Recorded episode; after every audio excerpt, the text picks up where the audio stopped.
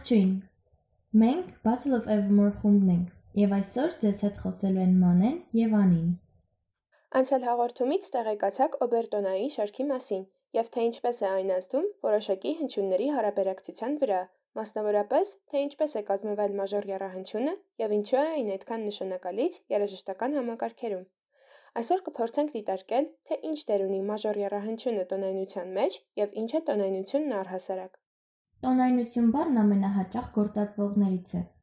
հիմնականում ոչ երաժիշտների կողմից և հիմնականում սխալ։ Եկեք պարզենք, թե ինչի նկատի ունեն երաժիշտները տոնայնություն ասելով։ Ենթադրվում է, որ բանական մարդկության գերակշռող մեծամասնությունը կյանքում գոնե մեկ անգամ տեսել է դաշնամուրային ստեղնաշար եւ նկատել է, որ այն բաղկացած է սպիտակ եւ սև ստեղներից։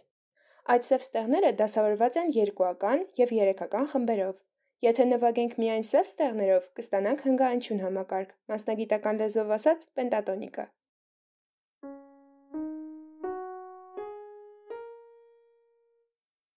Սակայն դա մեր հաջորդ հաղորդման թեման է, այնպես որ ժամանակավորապես թողնենք սև ստեղներին հանգիստ։ Իսկ եթե նվագենք նրանց շրջապատող սպիտակ ստեղները, կստանանք բոլորին շատ սիրելի եւ հարազատ դո մաժոր դիատոնիկ գամման։ Այն ներառում է դո մաժոր տոնայնության բոլոր 7 հնչյունները դո, ռե, մի, ֆա, սոլ, լա, սի։ Այս հերթականությունը ծանոթ է նույնիսկ երաժշտության հետ չառընչվողներին, եւ այս հերթականությամբ ամեն նոտա ունի իր թվանշանային համարը ըստ բարձրության աստիճանի։ 1 2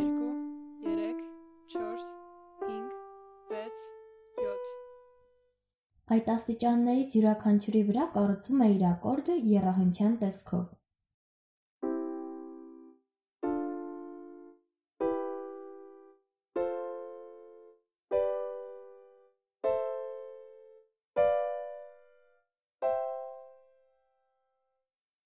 Սակայն տնայնության ներսում գոյություն ունի այլ աստիճանակարգ, ըստ գլխավորության։ Պարզ է, որ տնայնության գլխավորը կամ կենտրոնը առաջին աստիճանն է, նրան անվանում են տոնիկա եւ նրա անունով էլ կոչվում է տոնայնությունը, տվյալ դեպքում դո մաժոր։ Երկրորդ գլխավորը 5-րդ աստիճանն է, տվյալ դեպքում սոլ նոտան, որը տոնիկայից գտնվում է կվինտա ինտերվալի հեռավորության վրա։ Եթե հիշում եք, օբերտոնային շարքում կվինտայի հեռավորության վրա էր նաև առաջին օբերտոնը, որը տարբերվում էր հիմնական տոնից։ Դրանով պայմանավորված ամեն դոմինանտա ձգտում է հասնել իր տոնիկային, եւ այդ ձգտումը ամբողջ եվրոպական տոնայնական երաժշտության հիմքն է։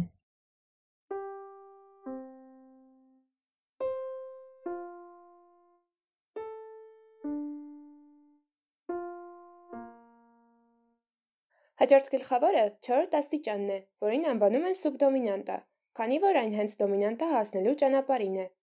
Այդպես էլ հարմոնիկ հաջորդականություններում սուբդոմինանտան ծառայում է դոմինանտա հասնելու միջնորդ։ Իսկ դոմինանտա հասնելը ենթադրում է վերադարձ տուն, տոնիկա։ Սակայն դա պարտադիր է միայն ամենապարզունակ որոշումների դեպքում։ Բոլորս էլ գիտենք, որ եթե պետք է, տուն չգնալու բազում եղանակներ կան։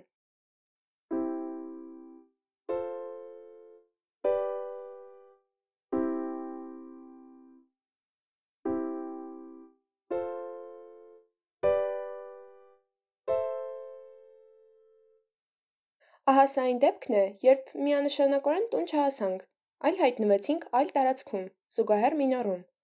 Իսկ ինչ է նշանակում զուգահեռ մինորը։ Պատկերացրեք, նորից նվագում ենք միայն սպիտակ ստեղներով, բայց ոչ թե դո նոտայից, այլ լյայից։ Ստանում ենք նույն 7 նոտայից կազմված հնչյունաշար, բայց այլ տոնայնական կենտրոնով եւ նոտաների այլ ձգողական հարաբերություններով։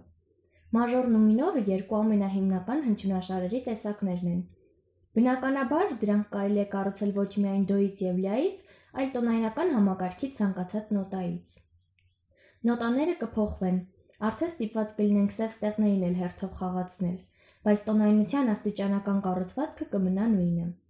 Հետևաբար գոյություն ունեն 12 մաժոր եւ 12 մինոր տոնայնություններ։ Ընդունված է համարել, որ մաժորը ուրախ է, մինորը տխուր։ Իսկ հիմա մի փոքր հանելուկ։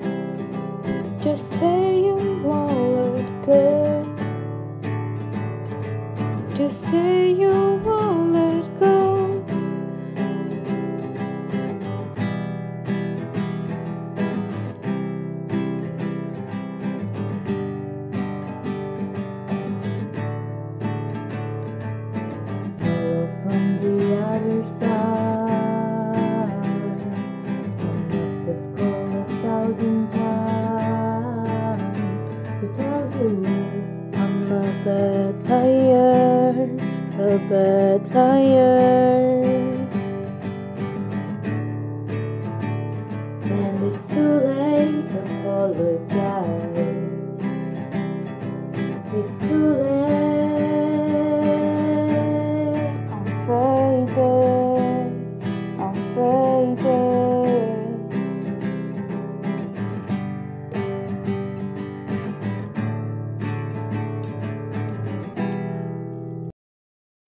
Են այս երգերն այսքան նման եւ հեշտ շփոթելի։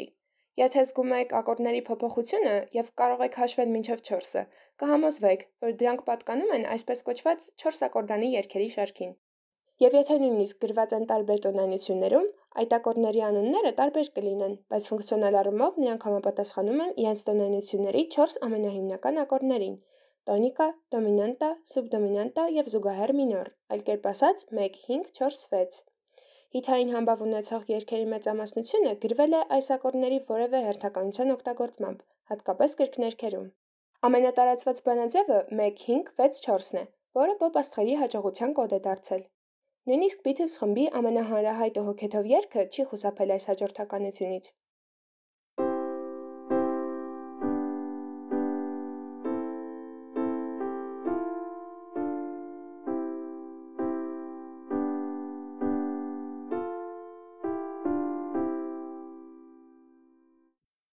Արդարության համար նշենք, որ սա գրեթե միակ օրինակն է իրենց երգացանկում։ Բիթլերը, ինչպես եւ 60-ականներին ստեղծագործողների մեծ մասը, գիտեին, որ երահանջումները կառուցվում են ոչ միայն գլխավոր աստիճանների վրա։ Առավել եւս, նույնիսկ տոնայնությունները կարող են փոխվել երգի ընթացքում, բայց այդ մասին ավելի ուշ։ Առայժմ կարևոր է հասկանալ, որ բոլոր աստիճանների վրա կառուցվում են երահանջումներ։ Ընդ որում, մաժոր տոնայնություններում գլխավոր աստիճանների երահանջումները պարտադիր մաժոր են։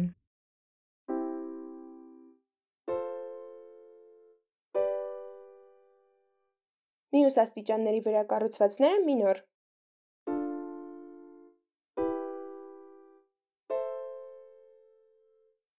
Եվ կա մեկ աստիճան, 7-րդը, որի եռահանջունը ոչ մաժոր է, ոչ մինոր։ Այն կոչվում է փոքրացած եւ լարված ու անկայուն հնչողություն ունի, քանի որ երկու ծայրի նոտաները առաջացնում են եռատոն։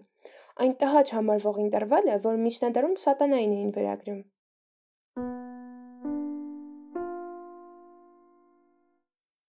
Մինորում նույն հարաբերությունն է, բայց հակառակ։ Գլխավոր աստիճանների եռահանջումները մինոր են։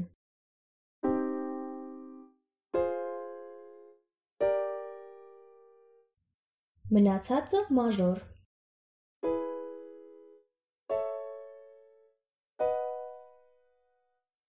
Եվ երկրորդ աստիճանից փոքրացրած։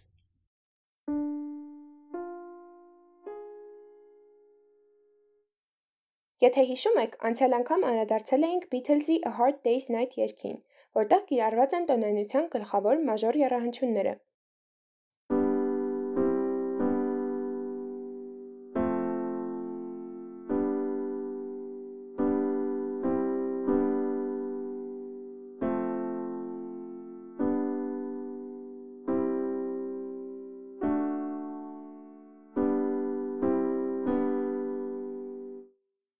Բայց երբ հասնում ենք երգի միջին հատվածին՝ բրիջին, հայտնվում են երրորդ եւ վեցերորդ աստիճանների եռահանջումները, որոնք մինոր են եւ նոր կոնտրաստային երանգ են հաղորդում։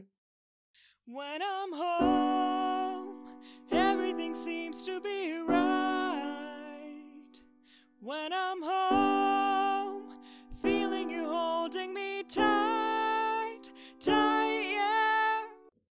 Բնականաբար, որքան լիարժեք եւ բազմազան օգտագործենք տոնայնության հնարավորությունները, այնքան գունեղ, հետաքրքիր եւ հարուստ երգեր կստանանք։ Մեր հետագա թողարկումներում ձեզ ել ավելի արկածախնդիր ուղևորություններ են սպասվում դեպի երաժշտական լեզվամտածողության թաքնված աշխարհներ։ Իսկ այսօր ձեզ հետ էին Անին եւ Մանեն։